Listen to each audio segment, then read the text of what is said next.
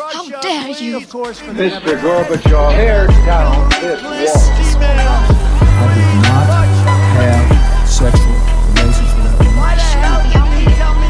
Read my lips. Hell yes, we're gonna take your AR-15. Well, it's your waiting AK-47. I have a dream. Thank you.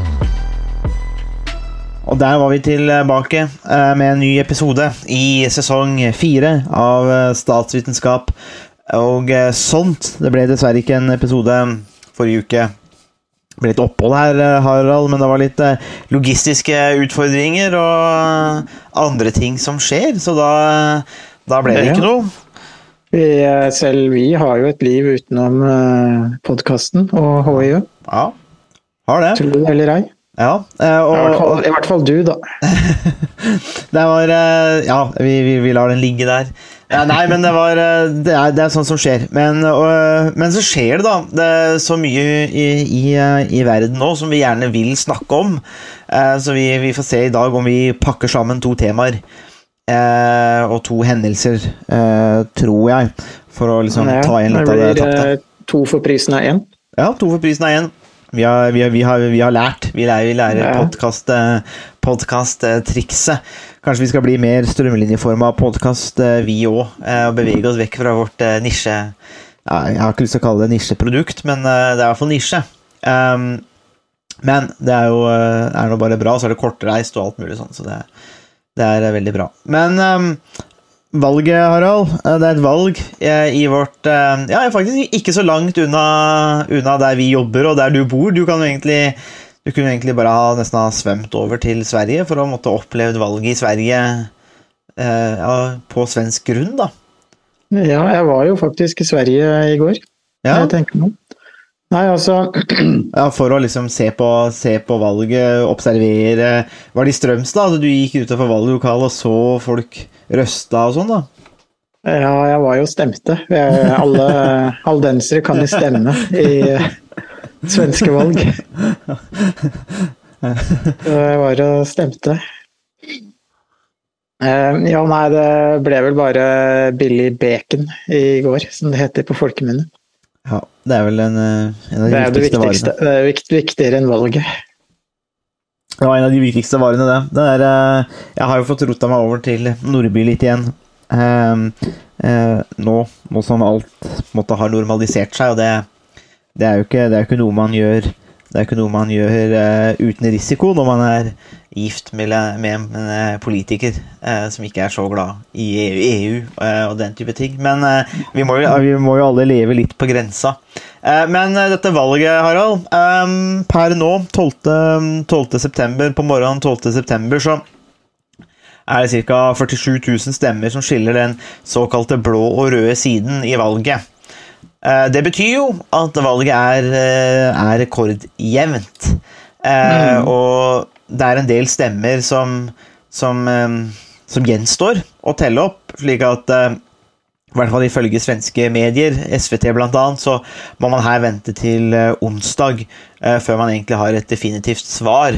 Men det er altså så jevnt, eh, og det er noen ting vi kan for så vidt lese ut av det, men hvis vi går helt sånn kort over hvordan det ser ut akkurat nå, og det vil jo uansett det, vil jo ikke være så store svingninger nå, men det kan jo det kan faktisk vippe blokkfordelingen den ene eller andre veien, da. Det har det mulighet til, men, men det store bildet har vi jo. Eh, Og det største partiet ble jo Sosialdemokraterne, som tradisjonelt er det største partiet òg.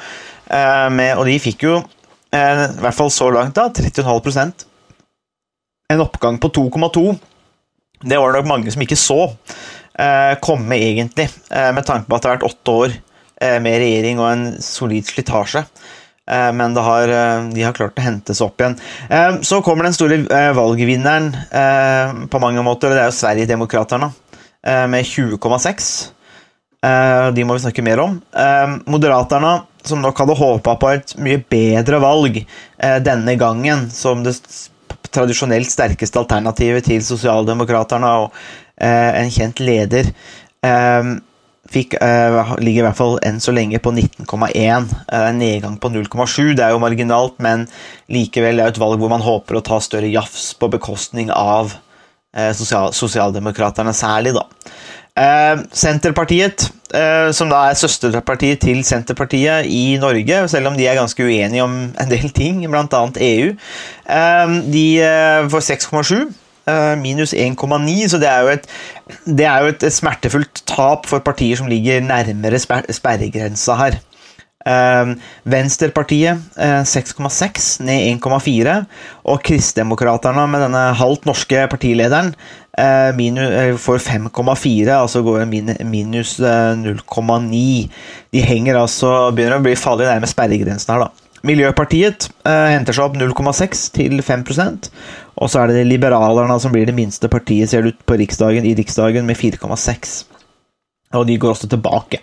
Eh, den store trenden sånn, eller noe, noe av det som jeg merker meg aller først, Harald, eh, det er at eh, de tre største partiene gjør det jo egentlig greit og bra. Altså at Sosialdemokraterne tar jo 2,2. Sverigedemokraterne eh, går fram 3,1, og der ligger egentlig tapet til de andre partiene. Men det ser ut til at eh, de større partiene uansett gjør det bedre enn småpartiene. Eh, disse mindre partiene som kanskje er litt mer eh, ensaksfokusert fort, og kanskje litt snevrere i sitt nedslagsfelt, de gjør det også dårligere i valget, og kanskje også overraskende her òg. At eh, et, eh, Ikke at jeg har gått inn og sett på det, men det er, eh, og hva som er plattformen for til Miljøpartiet, men man ser at disse mindre partiene de, de, de, favner min, de favner smalere og får ikke denne oppslutningen. Så det ser ut som at de større partiene har på en måte slått litt tilbake her da, og, og befesta mer sin posisjon. Var kanskje, kanskje særlig Sosialdemokraterne, som mange regna med skulle i hvert fall bikke ned mot 28-26% kanskje, og 25 kanskje, pga. regjeringsslitasje, åtte år osv. osv. Men det ser i hvert fall ut som at de, disse mindre partiene sliter da, med sin appell. Det er noe som jeg tenker her.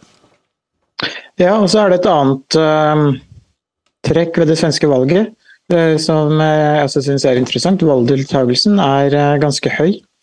Den er på um, 83, rundt 83 eh, norske valget i fjor så var, jo, uh, var jo valgdeltakelsen faktisk en god del lavere. Mm. Og lavere enn den har vært tidligere. Og det, det, det, og det så svenskene um, har altså Det er en større andel som, av svenskene som stemmer enn nordmenn i nasjonale valg. I norske valget så var det 77-76% eller noe sånt noe. Som, som, stemte i fjor, så svenskene gjør det bedre eh, på valgdeltakelse. Og valgdeltakelsen ved forrige valg i Sverige var jo 87% så det har falt eh, mm. rundt 4 prosentpoeng. Mm. Eh, men det er likevel en god del høyere enn den norske, norske valgdeltakelsen. Eh, så er det også interessant, de tre største partiene eh, utgjør omtrent 70% av stemmene. Og det tyder på at det er, relativt, det er en relativt stor konsentrasjon rundt de, samling rundt de største, største, partiene, som du også var inne på, på Sondre. Mm.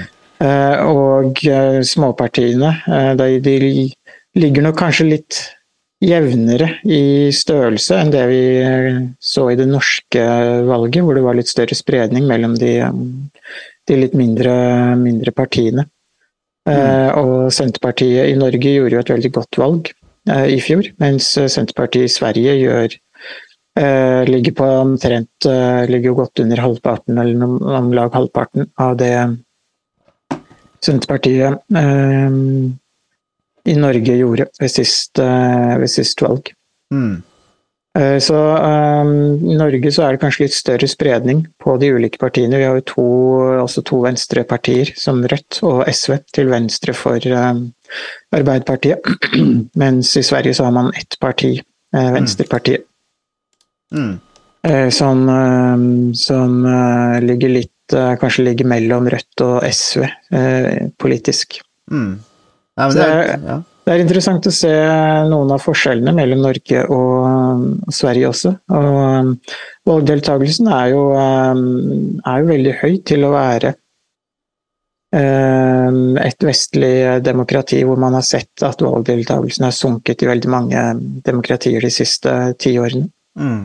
Nei, det er jo et, eh, er jo et, eh, et, eh, kjempeinteressant poeng. Det viser jo bare at det er ikke noe sånn Nei, det er ikke noe Det går jo ikke bare én vei her. Jo, og valg, valg kan, nok, kan nok motivere eller inspirere i ulik grad folk òg. Men, men det er jo det er jo interessant dette med at de også har så høy valgdeltakelse, og det tyder på at folk bryr seg.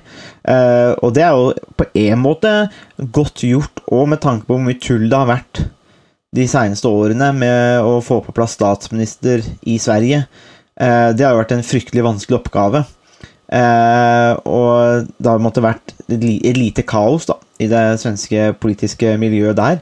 Eh, men det er jo eh, likevel en høy oppslutning rundt eh, systemet. Da. Det er jo, er jo, interessant, som du sier, og nettopp dette med de 70 da, som havner i de store partiene. så Det er jo der, der nedslagsfeltet ligger. Men og da kan vi jo, det, Når vi da snakker om de største partiene, da, så er det jo en, en, en stor endring er jo det at Moderaterne er jo ikke da det nest største partiet lenger. og det er jo et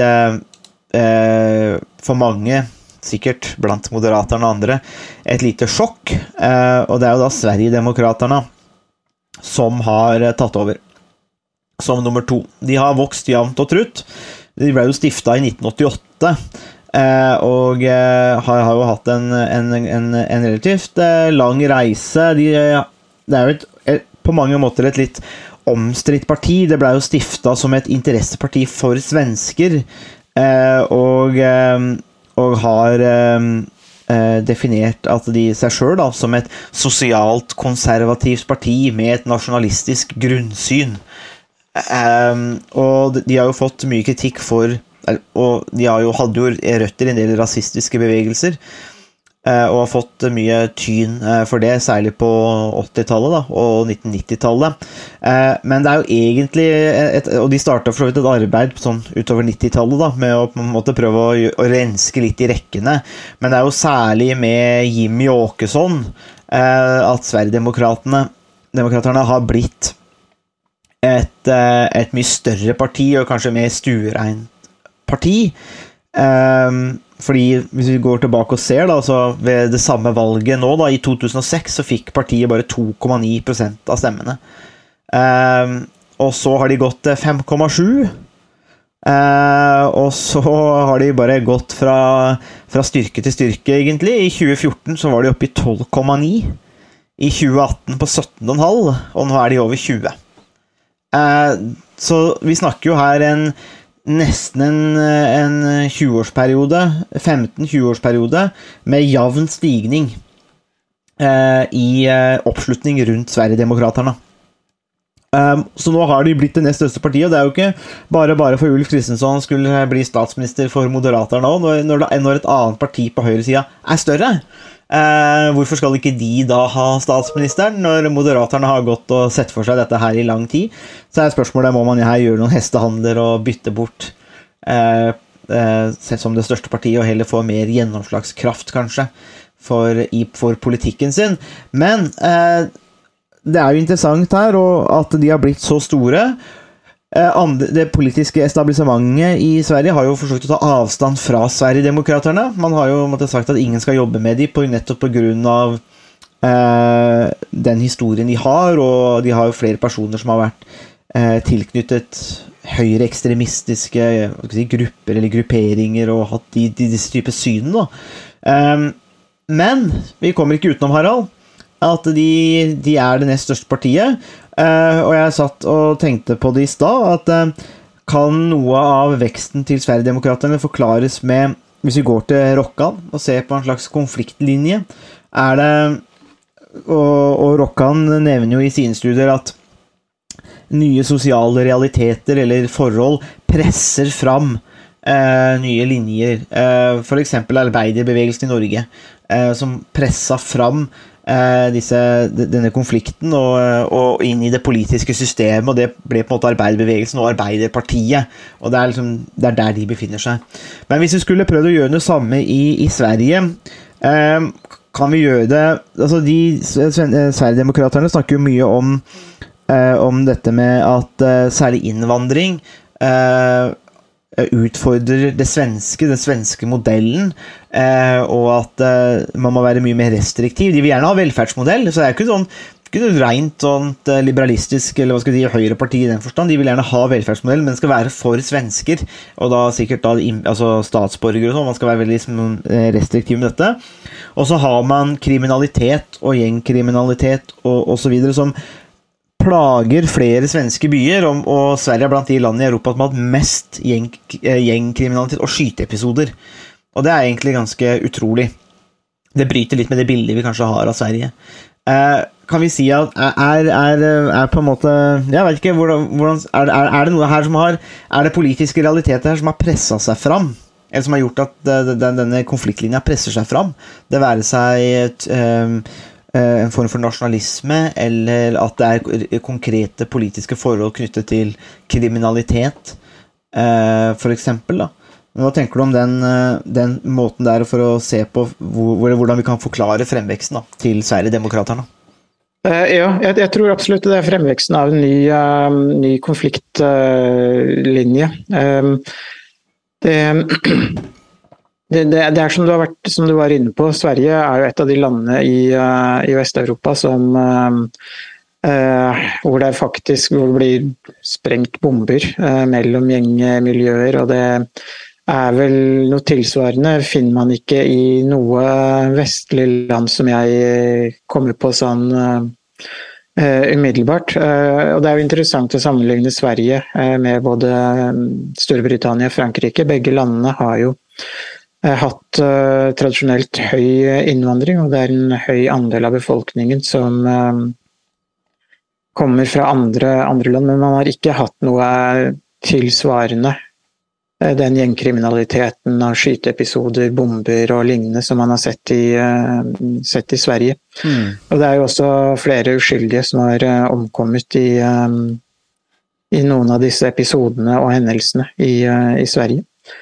så jeg syns den analysen du var inne på om at her er det en ny konfliktlinje som Eh, som vokser frem, eh, er, gir en god, eh, godt bilde, en god forklaring og en god representasjon av det som man ser i, ser i, i Sverige. Og det er jo også litt sånn at de, de, de andre politiske partiene de har av ulike grunner ikke klart å ta inn over seg de politiske problemene og de, den konfliktlinjen som, er, som har bygd, bygd seg opp. Og Det så man jo også eh, da arbeiderbevegelsen vokste frem som et, eh, et politisk parti, eh, en politisk bevegelse, på slutten av 1800-tallet og begynnelsen av 1900-tallet. Hvor, hvor, man fikk et nytt parti for arbeiderbevegelsen. I Norge så var det ingen av de, de etablerte partiene da mm. som klarte å å ta inn over seg den, eh, den, konfliktlinjen som var i ferd med å bygge seg opp i forbindelse med industrialiseringen av, eh, av samfunnet og fremveksten av arbeiderklassen. Mm. Eh, så Sånn sett så er det ikke unaturlig at det vokser frem et nytt parti også, som Sverigedemokraterna, som, som tar eierskap til, til, den konfliktlinjen. Og Man ser det også i de tradisjonelle partiene. Eh, de har ikke hatt eh, gode løsninger eh, på de utfordringene som Sverige har stått overfor når det gjelder gjengkriminalitet. Man ser at gjengkriminaliteten heller har vokst og økt enn at den har blitt, blitt redusert. Mm. Og da, er, er ikke, da, blir det lettere for mange velgere å gå over til et parti som, som lover nye, nye løsninger Eh, på et, eh, et, ganske stort eh, problem, i hvert fall noen steder i, i Sverige. Mm. Helt klart. Det er, og, det er nettopp dette denne Hva skal vi si, skal vi si eh, Manglende evne til å ta inn over seg konkrete realiteter, som kanskje har vært problemet. Altså Når man er i en sånn eh, boble, eh, så er det kanskje vanskelig å Altså, jeg har ikke lyst til å henfalle til klisjeer om at man ikke hører på folk flest eller vanlig mann i gata, eller, eh, eller, at man ikke er nær folk, eller alt mulig andre slags klisjeer, men det er noe med den hvis man er i den type bobla, hvor, som politikere ofte er, da Det er det det er det ingen tvil om når man går i det miljøet. altså Det gjelder jo for så vidt alle slags miljøer, at man havner i en slags boble. Men som politiker så er du jo folkevalgt, da, og bør helst ha litt eh, kontakt med det her. Men det jeg tenker kanskje kan Du var litt inne på det òg, men det som ser ut til å være tilfellet i Sverige òg, handler jo om en eh, hvor man ikke har tatt disse realitetene inn over seg og, og, og sett at det er, det er, sosiale ting her som faktisk spiller en rolle eh, i folks liv Eh, og som folk er opptatt av. Altså Mange nok er opptatt av det. Det er derfor du kan gå fra å være et eh, marginalisert, til dels høyreekstremt parti, eh, som, til å bli et eh, parti som rydder litt mer i rekkene, får samla seg rundt en, en, konfliktlinje på mange måter, og bli det nest største partiet. Eh, men så her, er, her tenker jeg at her er det en del partier som de, altså, og, og, det er jo flere i Sverige som har pekt på at, eh, at Sverigedemokraterna har bidratt til at andre partier har begynt å ta opp deres retorikk og argumenter og syn på disse ulike sakene. Så på en måte så har de jo allerede vunnet noe der. Eh, men, men, de er også da det nest største partiet. Eh, og når det er realiteten altså Fakta er, fakta er det vi ser. Det er ikke noe, det er ikke noe altså det, Dette har folk stemt. Så det handler ikke om at, eh, at, at jeg eller vi tror at det er sånn, eller osv. Hvis vi ser det på, på, på papiret, så, så er det jo fristende å si at her er det en del partier som har rett og slett bomma på eh, folks opplevde hverdag. Eh, og ikke klart å ta det inn over seg i sin egen politikk. Og det har gitt et rom for Sverigedemokraterna til å bli det nest største partiet. Fordi at disse sakene opptar folk eh, i hverdagen. Eh, I hvert fall 20,6% av Sveriges befolkning, men det er nok til å bli nest største parti. Det, men det var litt det samme som jeg tenkte eh, da i forrige valgkamp her i Norge òg da var det mange som, som snakket om eh, at, eh, at eh, Senterpartiet var, norske Senterpartiet da, var populister og, og bare lovte og lovte og lovte, og det har de for så vidt gjort. Men, jeg, men jeg må bare si at For min del så virka alltid det litt billig å bare skulle si at Senterpartiet var populister. På samme måte som, som Sverigedemokraterna ikke kan avfeies bare med å være populister. fordi den, den, følelsen jeg hadde ved forrige valgkamp, altså før, da, et år før, halvt år før, et år før, var det at eh, den regjeringa, Solberg-regjeringa, var out of touch med folks opplevde hverdag store deler av landet. Og det ga den bølgen til Senterpartiet som de langt på vei kunne ri inn til valget, selv om de mista en del nedover. Jeg føler litt det samme med, med Sverigedemokraterna. At uh, det, det, er, det, er, ikke populisme, løfter, retorikk som nødvendigvis løfter partiet fram, men det er rett og slett det at eh, de treffer noe på folks opplevde hverdag. Noe konkret, altså praktisk politikk. Jeg tror ikke de velgerne er så forbanna opptatt av sosial, nei, nasjonal sosialkonservatisme. Hva nå enn det på en måte skulle bety. Det er en del sånne u, u, eh, Det er mye å rydde opp i eller å prøve å oppklare i, i den såkalte ideologien der. Jeg tror de scorer på mer praktisk politikk, og at det treffer folk eh, nok, Det treffer nok svensker til at de har lyst til å stemme Sverigedemokraterna, men det har ingenting med så mye med retorikken og populisme og sånn å gjøre, tror jeg, da, men at de faktisk treffer på konkret politikk. Og det, det må være lov. altså det, det, må være lov å faktisk klare det. Å treffe den derre og, og, jeg sier ikke at det er bra eller dårlig, da, men eh, det er bare, det er bare sånn jeg ser situasjonen der, da. Det er min, min, min hypotese. Ja, jeg er eh, enig i det. Eh, jeg legger til det at de etablerte partiene de har nok en tendens til å fokusere på det de har gjort tidligere. Eh, sosial, eh, eller Arbeiderpartiet, Sosialdemokraterne, de fokuserer på den tradisjonelle politikken som de har fokusert på tidligere, som i stor grad henvender seg til en annen konfliktlinje, og basert på en annen konfliktlinje. Mm. Det samme gjør Høyrepartiet, Moderaterne. De fokuserer på eh, saker eh, og velgergrupper som har, som har fungert tidligere. Eh, og det er, litt, det er, jo litt sånn menneskelig og sånn forståelig at man, man, gjør det som man har gjort tidligere for å vinne valg. Mm. Eh, og det er ikke nødvendigvis en dårlig strategi, eh, men det er ikke en bra nok strategi hvis man ønsker å vinne eh, et valg, og det ser man jo spesielt med det svenske Arbeiderpartiet. Mm som, eh, som, nå ligger an til kanskje å miste regjeringsmakten, selv om de går fram nesten et par prosentpoeng. Og, Um, og er det klart største uh, partiet uh, også. Mm. Og så, så, det er litt sånn man, Partiene klarer av ulike grunner ikke å ta inn over seg de nye, de nye konfliktlinjene. og jeg tror også du har helt rett i det du sa om at man må skille mellom den praktiske politikken og det ideologiske grunnlaget til, til Sverigedemokraterna. Ehm, velgerne har stort sett ikke noen oppfatning om hva sosialkonservativisme eller nasjonalisme betyr. Mm. Eh, og det er begrep som jeg tror også er veldig eh, Som det er veldig få av uh, Sverigedemokraterne sine tillitsvalgte og, sine, og, politikere som kan gi gode, gode svar på også. Mm. Mens den praktiske politikken uh, har nok et mye større gjennomslag Eh, og Det som er interessant, er jo også at det er jo i stor grad ideologiske grunnlaget for Sverigedemokraterna som de andre partiene avviser.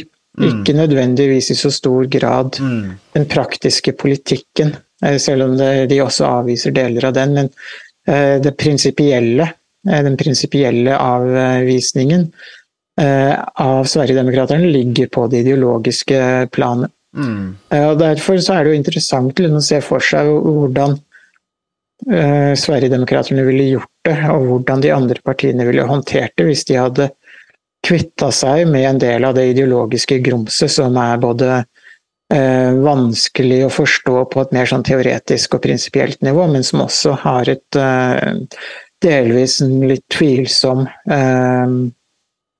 tvilsomt utgangspunkt. Mm.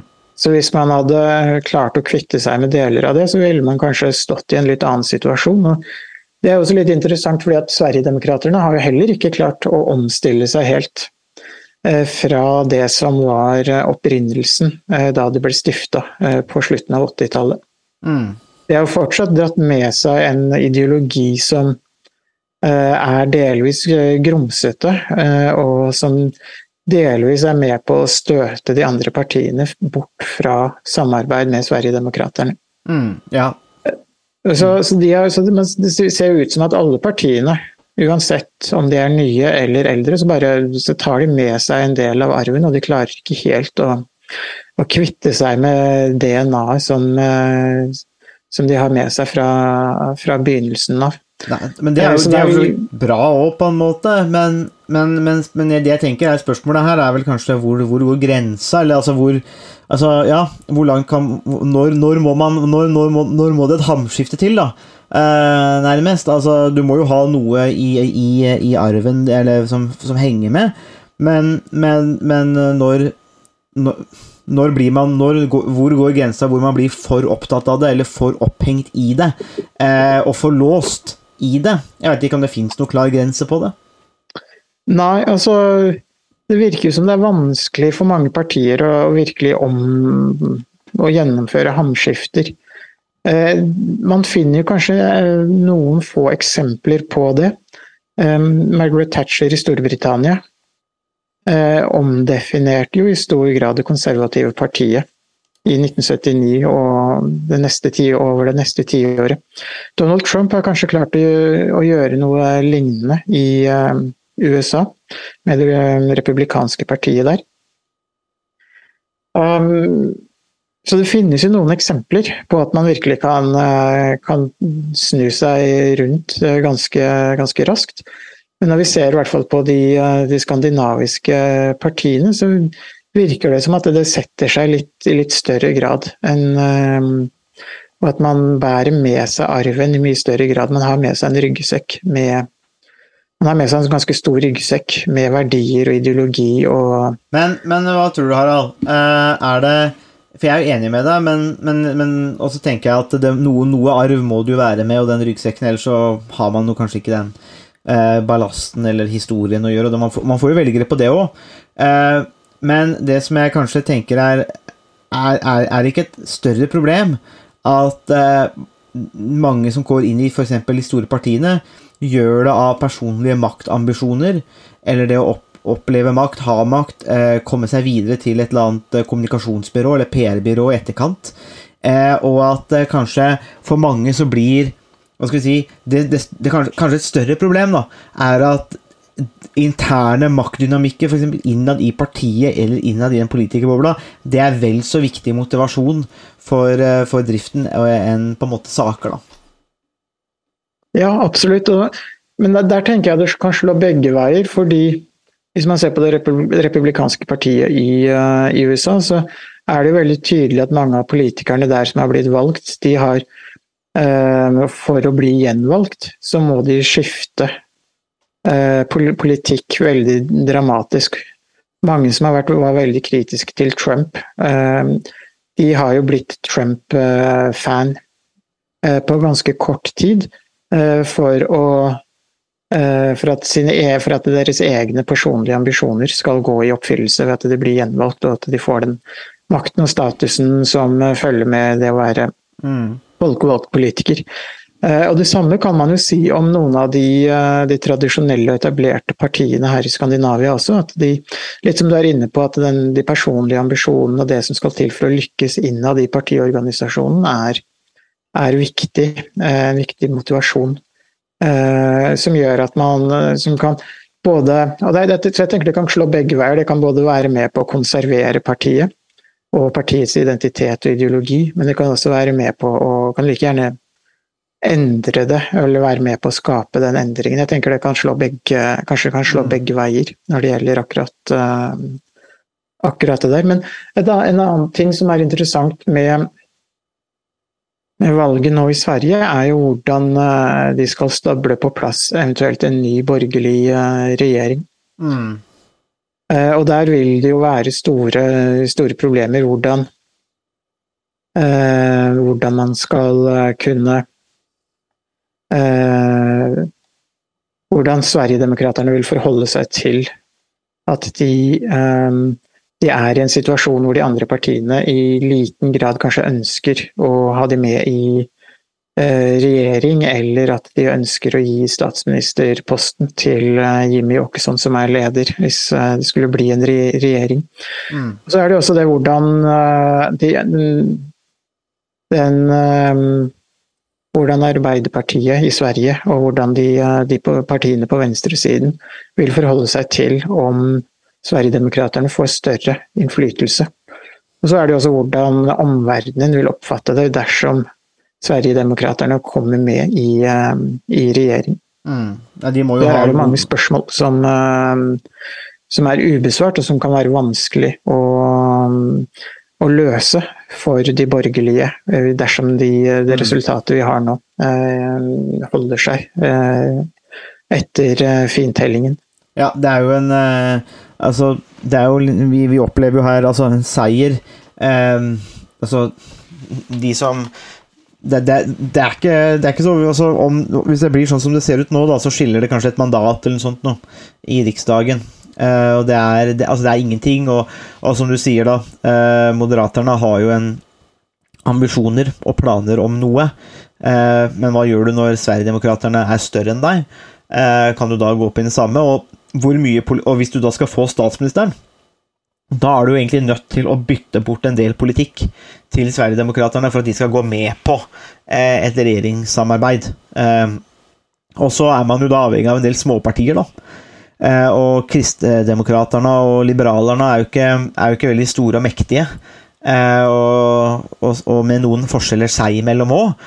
Slik at eh, jobben for en regjering er jo egentlig enklere på den såkalte rød-grønne siden, for der har man jo et etablert arbeid, og man ser ut til å ha samla seg litt om statsministeren der, og kan jo kanskje være litt mer tydeligere. Mens hvis det skulle gå mot en såkalt borgerlig seil, eller blå seil, eller hva vi skal kalle det, så, så er, det, er det fryktelig mye jobb igjen Uh, og det er, ikke, det, det, er ikke, det er ikke nødvendigvis gitt at uh, man får stabla noe på beina der i det hele tatt. Uh, så, så, så, sånn som det er, fordi jeg vil også tro at Sverigedemokraterna vil jo kreve innflytelse. Og de andre partiene er jo egentlig ikke i noen posisjon til å nekte dem det heller. Da må, da må man jo inngå en annen form for samarbeid. og da, da hvis, hvis, det står sånn for seg, så kan man jo likevel li, like godt se for seg at det, det blir en sosialdemokratisk regjering likevel, som har noe sånn, mer sånn støtte fra noen av de små partiene, og dermed kan unngå f.eks. Sverigedemokraterna. Eh, på den måten, da. Eh, men, men, også da Moderaterna. Så det, er, det, det, her, altså blir, det blir så opp til forhandlinger og politiske prioriteringer, og hvor lyst har man på, på statsminister eller regjeringsmakt hvis det går på, måte, går på bekostning av så fryktelig mye. Da. Så men det, vil jo, det, vil jo, bare tiden vise. Da. Nå er det ikke sikkert at det blir borgerlig flertall, da, men hvis det blir det, så er det, er, det er jo kaos, egentlig. Ja, det, er litt kaos. og Nå er det jo litt stille før uh, stormen.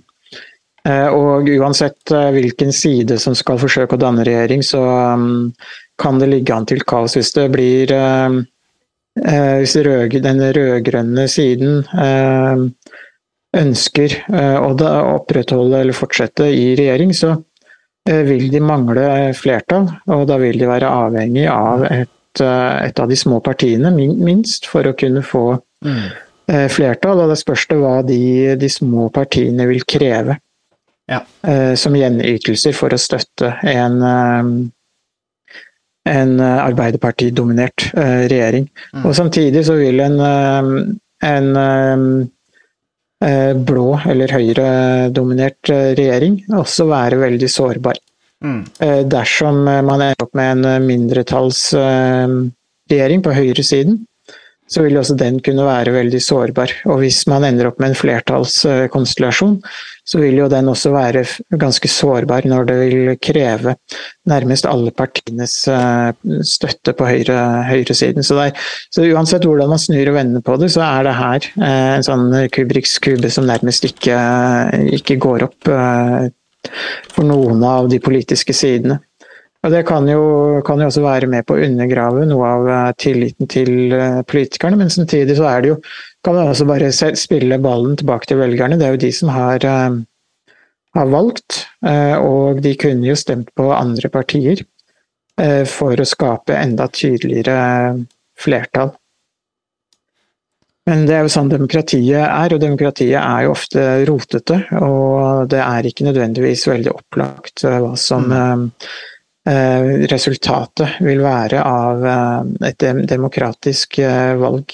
Jo, og så er det lett, lett, å skylde på politikerne i etterkant, når valgresultatet blir, eller gjør det, gjør det vanskelig for politikerne også. Mm, det forteller jo så uansett at det svenske folket er ganske splitta i en del ting. Altså, det er ikke noe så Ja, 70% er som du sier, da, er jo ca. nesten i de tre store partiene, men eh, den fordelingen gjør likevel at det er veldig vanskelig for én side ensidig å på en måte skulle klare å danne noen ny regjering, da.